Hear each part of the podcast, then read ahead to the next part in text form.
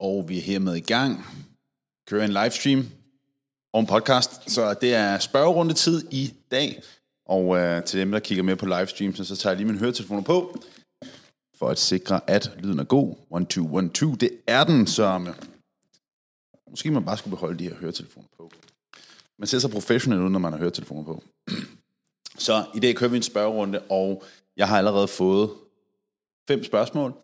Og øh, det omhandler blandt andet, hvorfor er det, den her person har taget fedt på, men ikke har ændret på noget som helst i kosten og træningen. Det andet spørgsmål, det er en kvinde, som er kommet i overgangsalderen, og hun føler nu, at det er blevet helt umuligt at tabe sig.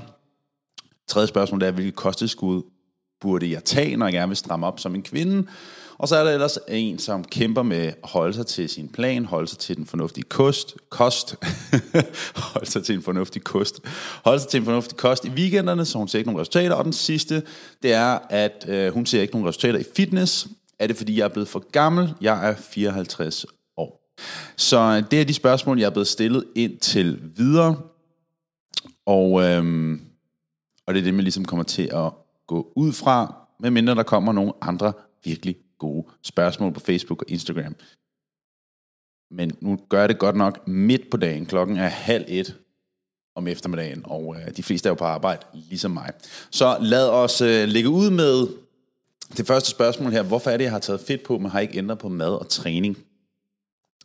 Så det der er tit og ofte med kost, det er, at det er enormt adfærdsbetinget.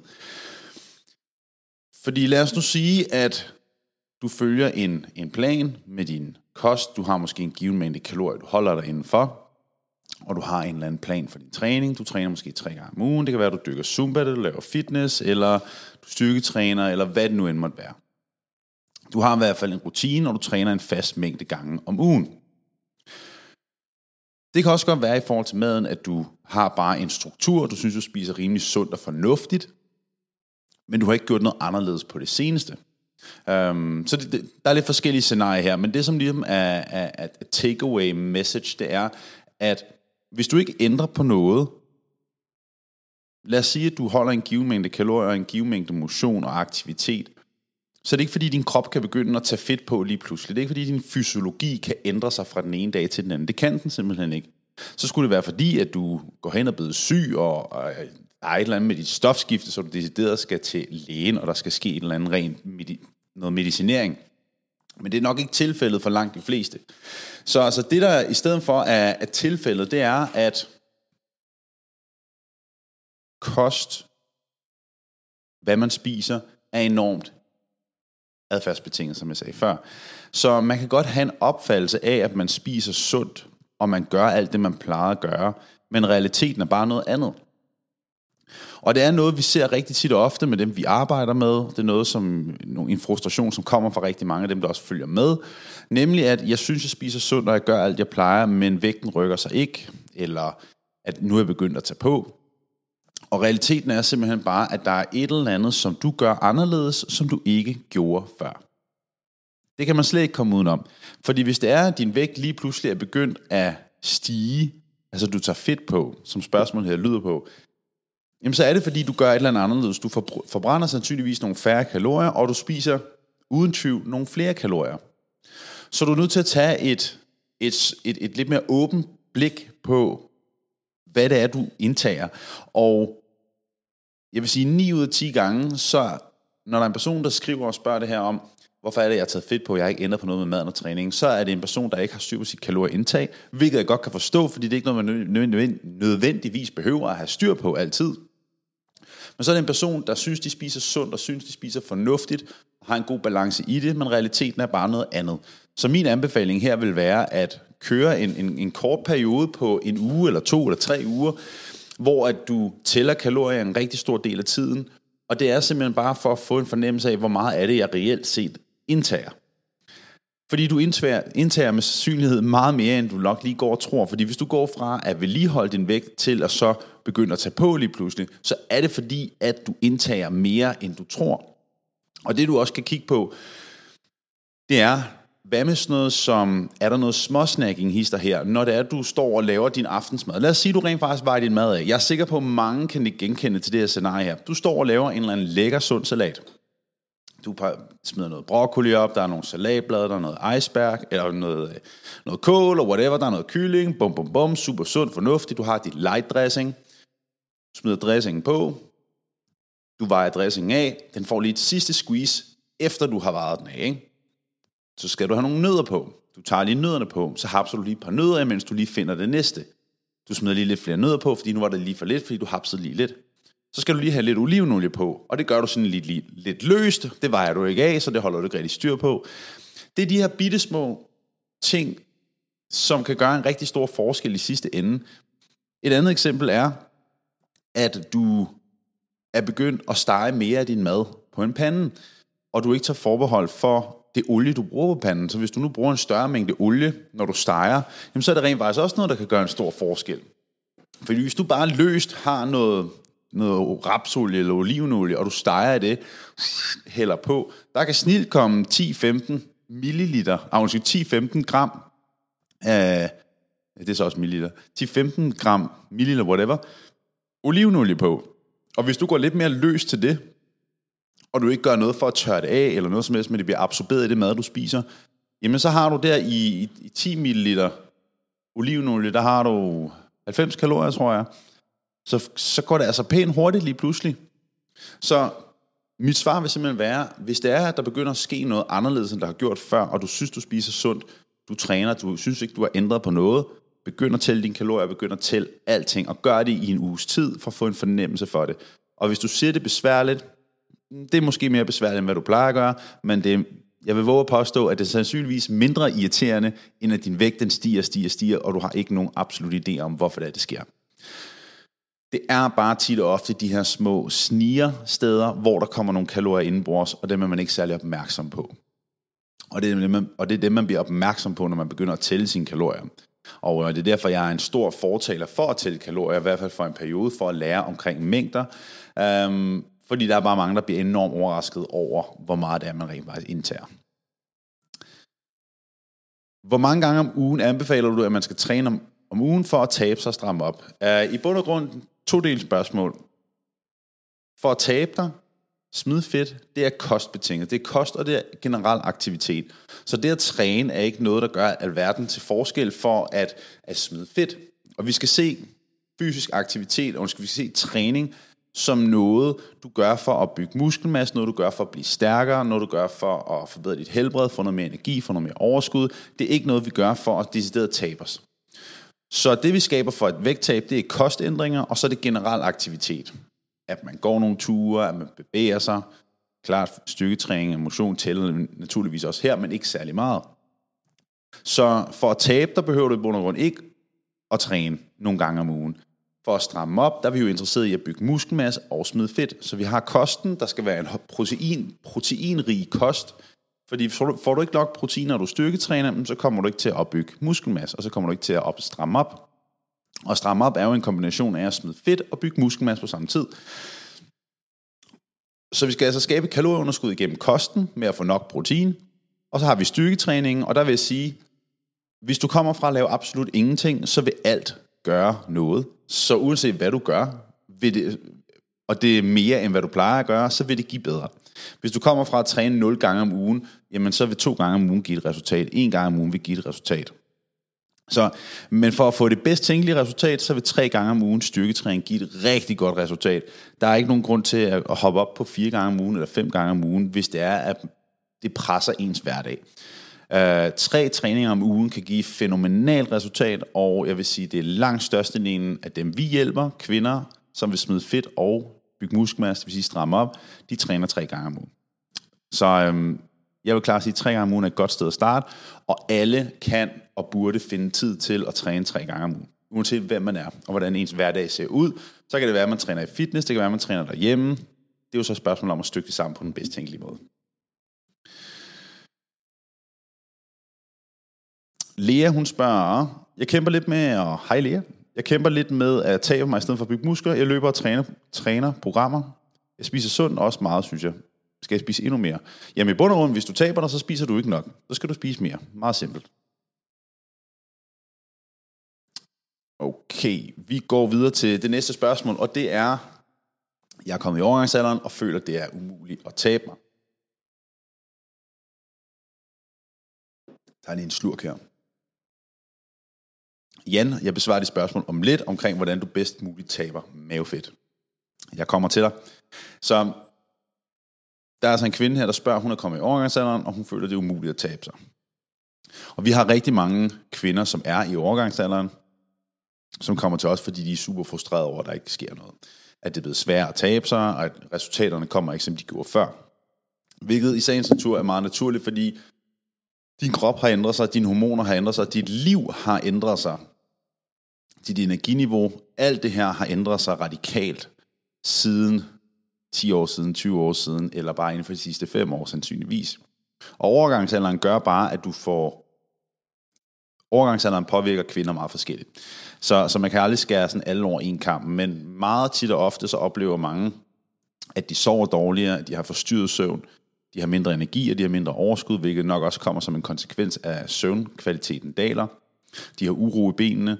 Øhm, og tit og ofte, når søvn er negativt påvirket, og det ved alle, der har børn, småbørn, nu har jeg jo selv uh, Tristan på 8 måneder, og jeg ved i hvert fald, at søvnen er forstyrret derhjemme, vågner tidligt, alt sådan noget der, ikke? Han vågnede klokken B i morges. og, øhm, og man er mere snakken, man er mere sulten, når ens søvn den er forstyrret. Og det er bare sådan, det nu er. Men når man er i overgangsalderen, så er det altså der, hvor søvnen kan være super meget forringet. Og det går så hen og påvirker, at man bliver mere snakken, man får mindre energi, man, får mindre, man har mindre overskud, og, øh, og man vil også opleve, at man bygger mindre muskelmasse, fordi ens søvn er forringet. Men det, som man så skal gøre, når man er i overgangsalderen, det er, at for der er masser af håb, selvom man er kommet i overgangsalderen. Det, det beviser mange af, det, af de kvinder, som, som vi lægger op jo, at, at man kan altså absolut skabe resultater, selvom man er i overgangsalderen. Man kan smide fedt, man kan tabe sig, man kan bygge muskelmasse, alle de her ting. Men det sætter bare nogle krav til at holde lidt mere styr på, hvad det er, man gør. Fordi det, du gjorde før, virkede nok ikke. Det kan være før, at du så spiste du bare sundt, eller prøvede at spise lidt mindre, og du dykkede måske lidt motion, og så virkede det. Men det der også er, udover at du er kommet i overgangsalderen, så er det også, at mange års usund livsstil potentielt har gjort, at du også er der, hvor du er nu. Mange års kæmpen med din vægt, med dit forhold til mad, hvad end det nu måtte være, du kæmper med, det har også, det kulminerer også på nuværende tidspunkt. Så og øh, yderligere er der også, at dit liv har ændret sig, siden du var 30 år gammel, 40 år gammel eller 25, så dit liv ændrer sig. Dine prioriteringer har ændret sig. Hvor aktiv du er til dagligt har ændret sig. Og, og det er nok nogle af de faktorer, der spiller allermest ind.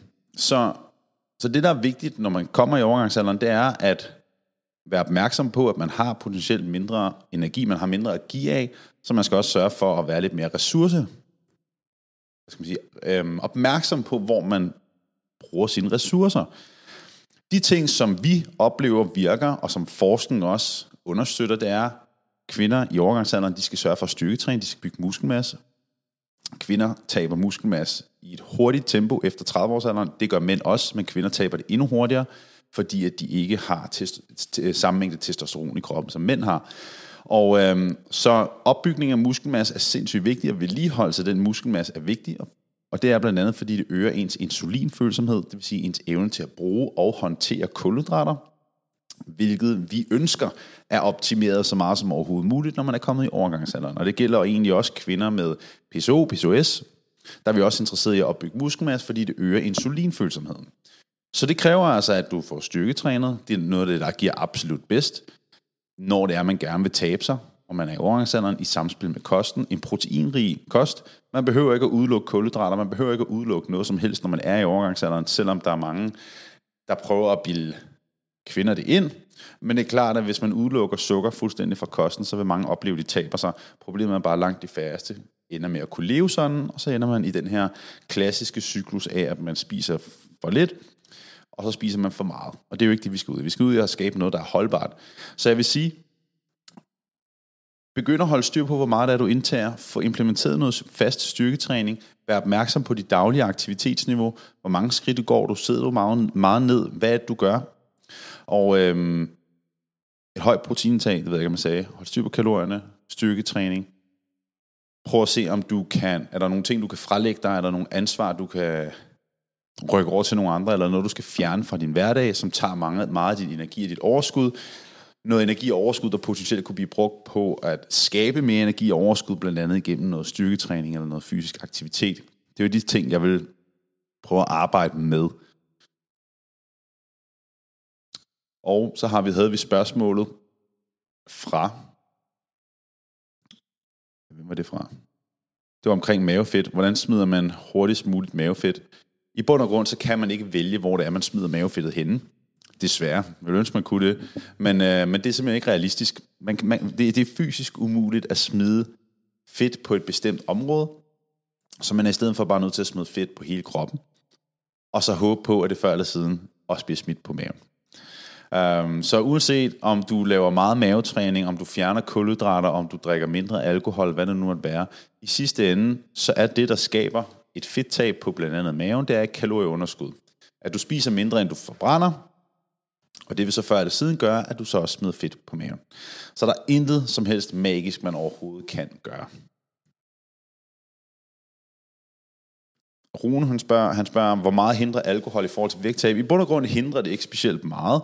Uh, ikke i et udtalt omfang, men det der er den større forhindring, det er, at der er rigtig mange kalorier i alkohol, og det er meget nemt at komme til at indtage rigtig mange kalorier igennem alkohol.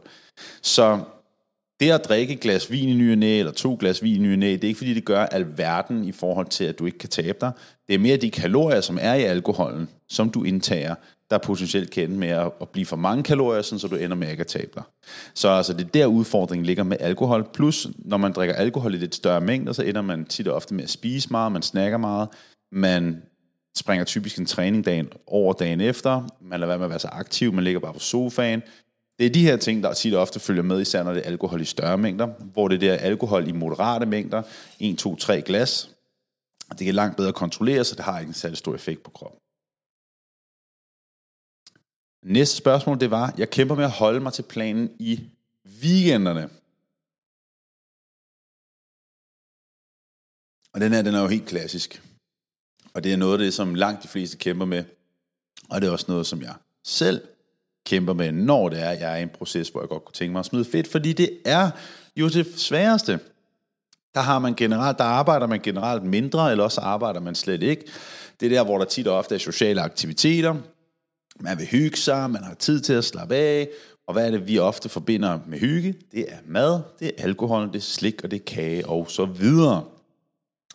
Og det første, og måske også det vigtigste, det er, at undgå at lave den fejl, som rigtig mange begår, nemlig at de forstår ikke, hvorfor de ikke kan tabe sig. De holder ikke en særlig fornuftig plan i weekenden, de spiser ikke særlig godt i weekenderne, så de ender med at spise meget, meget lidt i hverdagen, fordi de ikke kan forstå, at de ikke taber sig. Så mange de ender med at spise enormt lidt i hverdagen. De ender på de her 1200 kalorier diæter allerede fra starten af. Der er selvfølgelig nogen, der skal ned på 1200 kalorier, men det er langt fra de fleste. Så man ender på meget, meget få kalorier, meget lidt mad i hverdagen, og så ender man med at ikke kunne kontrollere weekenderne. Men det, der sker, når det er, at du underspiser i hverdagene, det er, at du også ender med at have betydeligt sværere ved at overholde de weekenderne. Så det er sådan to ting, der sådan hænger sammen. Så hvis du ikke får styr på din hverdag først og fremmest, så får du aldrig styr på dine weekender. Så mit råd er først og fremmest, uanset hvem man er, sørg for at få skabt et fornuftigt fundament, hvor du giver kroppen en fornuftig mængde mad i løbet af ugen. Og ikke bare forsøge at spare op hele, øh, hver, alle hverdagene til en weekend. Fordi at fjerne 500 kalorier på din daglige, dagligdags mad, det er ret meget. Det er et stort måltid. Hvor at tilføje at spise 500 kalorier ekstra, eller drikke 500 kalorier ekstra ved at drikke noget vin, eller spise nogle nødder, det sker på to minutter. Det kan man nemt indtage ekstra i en weekend.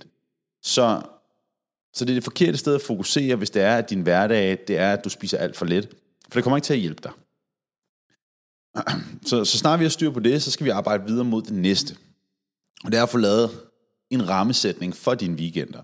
Jeg er ikke fan af det her med cheat days, hvor man har sådan en snydedag. Der må man godt spise. Men, men for rigtig mange giver, fungerer det rigtig godt at have en eller anden form for rammesætning, have en eller anden form for aftale med sig selv. Fordi det kan fungere rigtig godt for nogen, at så aftaler de, at lørdag, der må man om aftenen, der er det frit spil på aftensmaden, eller hvad det nu må være. Så der er lidt mere frit i forhold til, hvad det er, man spiser der. Og man tæller måske ikke kalorier. Det kan give lidt sådan en gulerod, og det kan fungere godt for nogen. Hvis man har et lidt problematisk forhold til mad, så det er ikke måde, jeg vil gå omkring det på, så handler det mere om at få implementeret de ting, som du typisk spiser meget af i weekenderne, og få implementeret det i din plan, som du i forvejen har. Sådan så at fredag aften, det måske står på bøf, banæs og kartofler, men tilpasset i mængder, som passer til, hvad det er, dit behov er. Og hvis det er der, hvor, nu, nu vil der lige snakke om alkohol lige før, hvis det er der, hvor at du håber på, at du kan tabe dig, men du samtidig drikker enormt store mængder alkohol fredag, du tager i byen, eller du tager ud og spiser fem retters menu, fuld vinmenu, drinks og det hele, jamen så kommer du bare til at møde en, en mur før eller siden, fordi det er en utopi, medmindre du træner rigtig meget og spiser meget lidt i hverdagen, at tro, du kan tabe dig, og så gør det stort set hver weekend. Det kan jeg ikke engang, og jeg er en fuldvoksen mand på plus 100 kilo. Er jeg også nødt til, for eksempel, hvis jeg er i en proces, hvor jeg vil smide lidt fedt, så er jeg nødt til at sige, godt, nu skal der skæres ned på alkoholen, de her øh, ud og spise øh, en masse retter og en masse brød og med smør på, det er nok ikke lige noget, der kan ske super tit. Så det er det her med, at man må prioritere lidt mere, hvornår vil man gerne gøre de forskellige ting. Fordi du er også nødt til at, og, og det er der mange, der har svært ved at få ind i hovedet, og ligesom acceptere, at og det er nogle gange det, der bliver lidt tabt i hele det her snak omkring, at man skal skabe en livsstilsændring, og det handler om balance. Fordi så mange, det er som om, de har nemt ved at finde balancen i hverdagen. Men når det så er weekend, så er balance for dem, jamen jeg skal jo tage ud og spise om fredagen, jeg skal jo tage ud og spise om lørdagen, vi skal jo have stor brunchbuffet øh, om lørdagen, og jeg skal kunne tage en kanelsnegl, jeg skal kunne gøre det ene eller andet tredje, fordi at det er jo balance, for nu har været god i hverdagen. Det er bare ikke sådan, tingene hænger sammen. Man er nødt, du er nødt til at give en eller andet omfang afkald på nogle ting, for at få noget andet.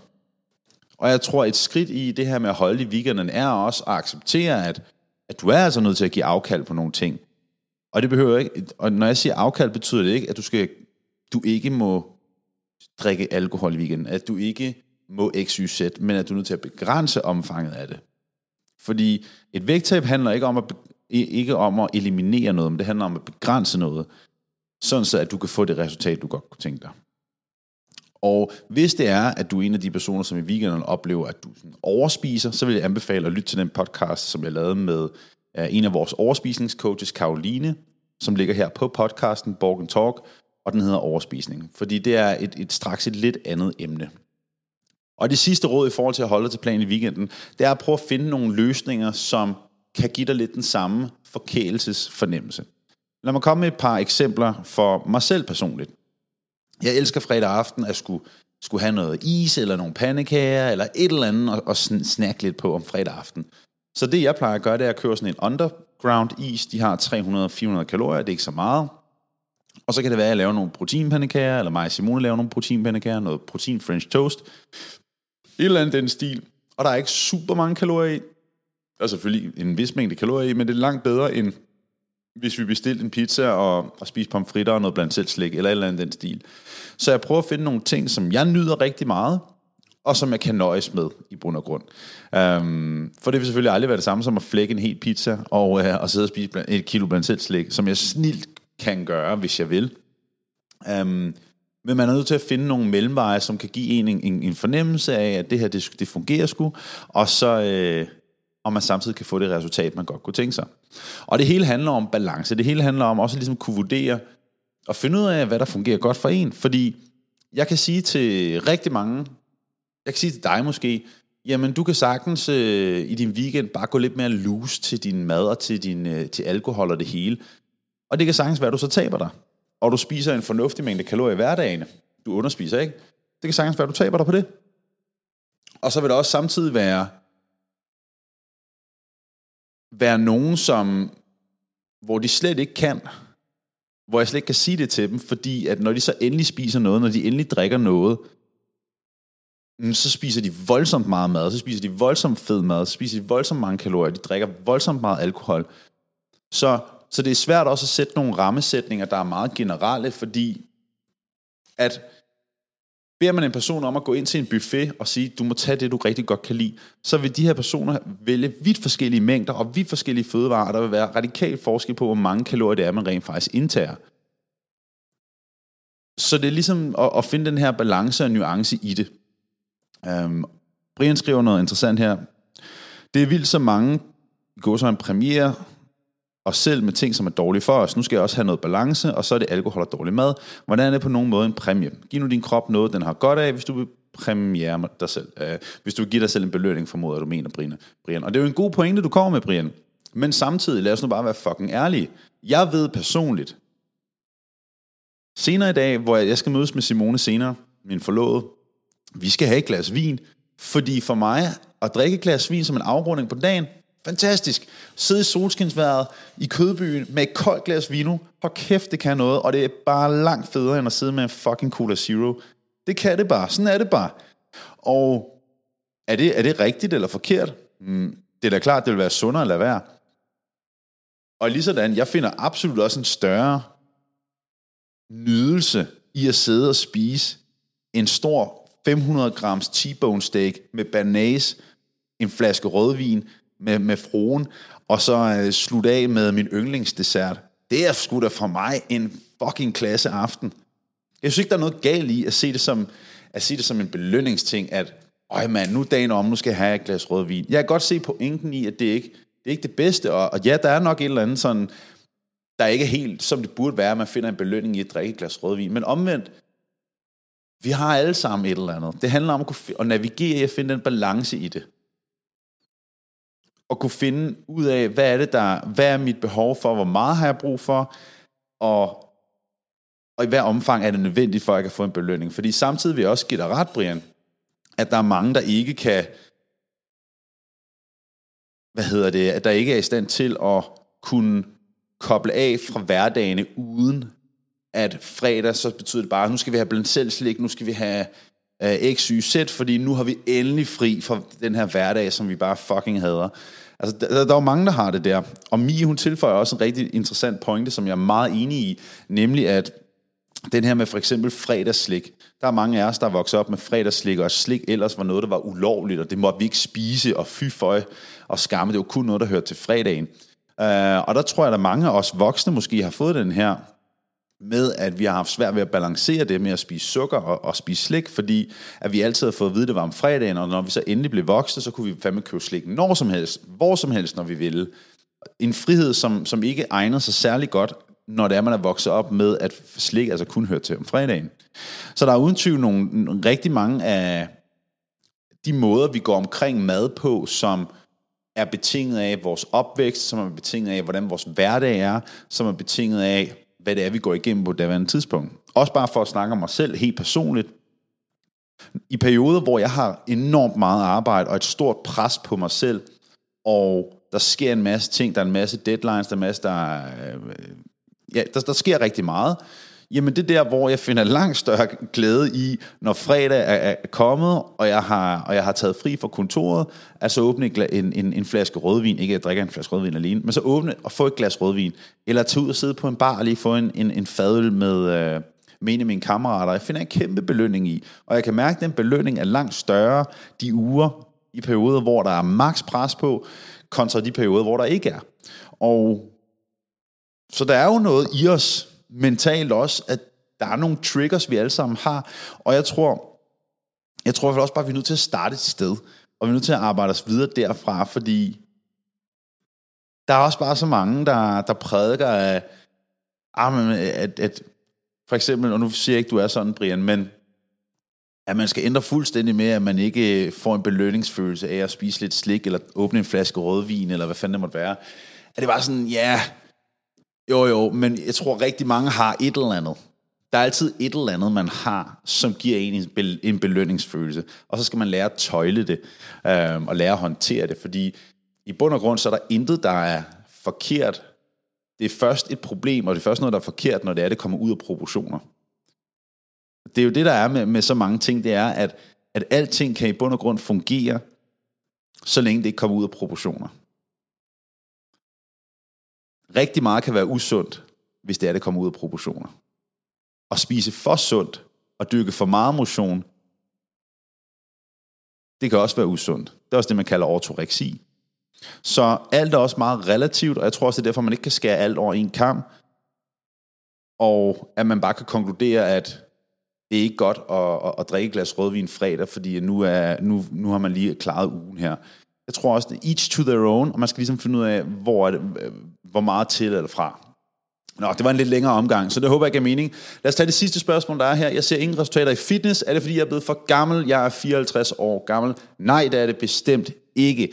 Hvis du er 54 år gammel, så er det ikke fordi, du ikke kan bygge muskelmasse. Det er ikke fordi, du ikke kan stramme op. Det er bestemt heller ikke fordi, du ikke kan smide fedt overhovedet.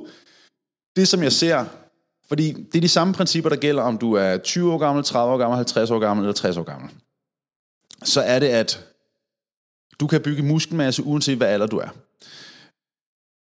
Og det er det her med at få nok protein, sørge for at styrketræne, sørge for at blive progressivt stærkere, give kroppen nok mad. Men de, så lad mig snart fokusere på, hvad det er, som jeg ser kvinder i 50'erne og 40'erne, måske også 30'erne, 60'erne, whatever. Hvad jeg ser kvinder, som er 30 plus, tit og ofte gør forkert, som jeg ser, at kvinder i 20'erne har betydeligt nemmere ved at gøre. Den første, det er, de løfter ikke hårdt nok, de træner ikke hårdt nok. Det er tit og ofte en konsekvens af, at de føler, at deres krop er blevet gammel, så den kan ikke holde til lige så meget, hvilket er en ganske valid grund, men det betyder så bare, at der skal være mere intelligent programmering i det træningsprogram, man har, sådan så man kan arbejde udenom det, man kan arbejde med de udfordringer, man har. Fordi langt de fleste kvinder, jeg ser, jeg oplever, dem som vi får til os, der er det simpelthen, at deres træning er alt, alt, alt, alt for skånsom, forstået på den måde, at det er alt for langt væk fra at virkelig presse dem rent muskulært. Så simpelthen få sat et fornuftigt program sammen, og ligesom prøve at forsøge at presse dig selv til at blive stærkere. For der er mange, der er enormt bange for at komme til skade, når det er, de er kommet lidt op i alderen. Og det kan jo så være, det kan der være mange årsager til. Det er bare også vigtigt at vide, at det er også noget af det, som holder rigtig mange tilbage. At de er så bange for at komme til skade, at de løfter så let, at det næsten er nyttesløst, det de laver. At de, det eneste, de nok primært gør, det er bare at vedligeholde. Så, og, og det er jo så noget, man kan programmere udenom i form af træningsprogrammer.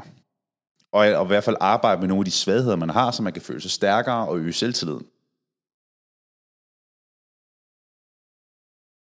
Det næste, jeg ser, det er, at man ikke spiser nok mad. Jeg tror, nu har jeg jo især arbejdet med kvinder igennem mange år, og især i alderen 40 til 50. 40, 50, 60. Og, og lige, det er som om den generation er vokset op, det er jo også min mors generation, Øhm, det er jo den generation, der vokser op med de her meget lavkalorie diæter, kurer. Det er dem, der vokser op med suppekurene, med alle de her mærkelige diæter, der er. Og der er det altså trods alt blevet meget mere intelligent de sidste mange år. øhm, hele diætkulturen. Så er der mange andre ting, der er galt, men, men forstå mig ret. Øhm, så de er vokset op med den her med, eller de er igennem deres unge år, 20-30, de her meget lave kalorier, de her kurer, de her diæter, som har været meget voldsomme, fordi der er sket så meget med forståelsen for ernæring, forståelsen for, hvad der skaber et vægttab de sidste 10 år. Det har udviklet sig sindssygt meget. Så en af årsagerne til, at, ja, at blandt andet også det her spørgsmål, hun ser ikke nogen resultater af fitness, fordi hun er, om hun er blevet for gammel, hun er 64 år, spiser simpelthen muligvis nok for lidt. Spiser alt for lidt mad, øh, får ikke nok protein. Og min pointe her var før, at der er så mange kvinder, som er enormt bange for at spise nok. Men når det er, at man gerne vil bygge muskelmasse, når det er, at man gerne vil stramme op, så er man nødt til at give kroppen næring, fordi du kan ikke, du kan ikke bygge muskelmasse ud af ingenting. Muskelmasse kommer et sted fra, og der skal noget næring til for at bygge den muskelmasse. Så man er nødt til at spise tilstrækkeligt med mad, for at rent faktisk bygge muskelmasse. Så så det er, det er to af de ting, det var første, det her med at træne hårdt nok, og have den rette, det rette program, som rent faktisk giver den gas med sin træning, og man ikke bare sidder og laller rundt med, med nogle elastikker, og lidt maskiner, og lidt øst og vest, hister her. Færre nok, hvis man gør det, men så skal man bare også erkende, at det er nok derfor, man ikke ser de resultater, man godt kunne tænke sig med sin styrketræning. Og så er der nummer to, den her med, at man ikke giver kroppen nok mad. Det næste, det kunne være, at du ikke giver kroppen, der er selvfølgelig nok mad, men også nok protein. Så din muskelmasse falder med cirka 2% for hvert år 10. Kvinder taber muskelmasse i et ret hurtigt tempo, øhm, på grund af de ikke har testosteron, som jeg også sagde før. Så det at styrketræne og det at få nok protein er uhyrligt vigtigt, fordi det at have nok muskelmasse, det at have nok styrke i din krop, det er også noget af det, der gør en forskel i det lange løb, om du er i stand til at holde din vægt. Om man er i stand til at øh, kunne fortsætte med at være så aktiv, som man plejer. Så jeg vil klart slå et slag for at prøve at få styr på nogle af de her ting, og lade være med at, at hænge fast i, i den her tankegang, der er med at styrketræning, det er for unge mænd, eller det er for folk, der gerne vil have stø, store bøffer, det er for folk, der gerne vil have kæmpe muskler.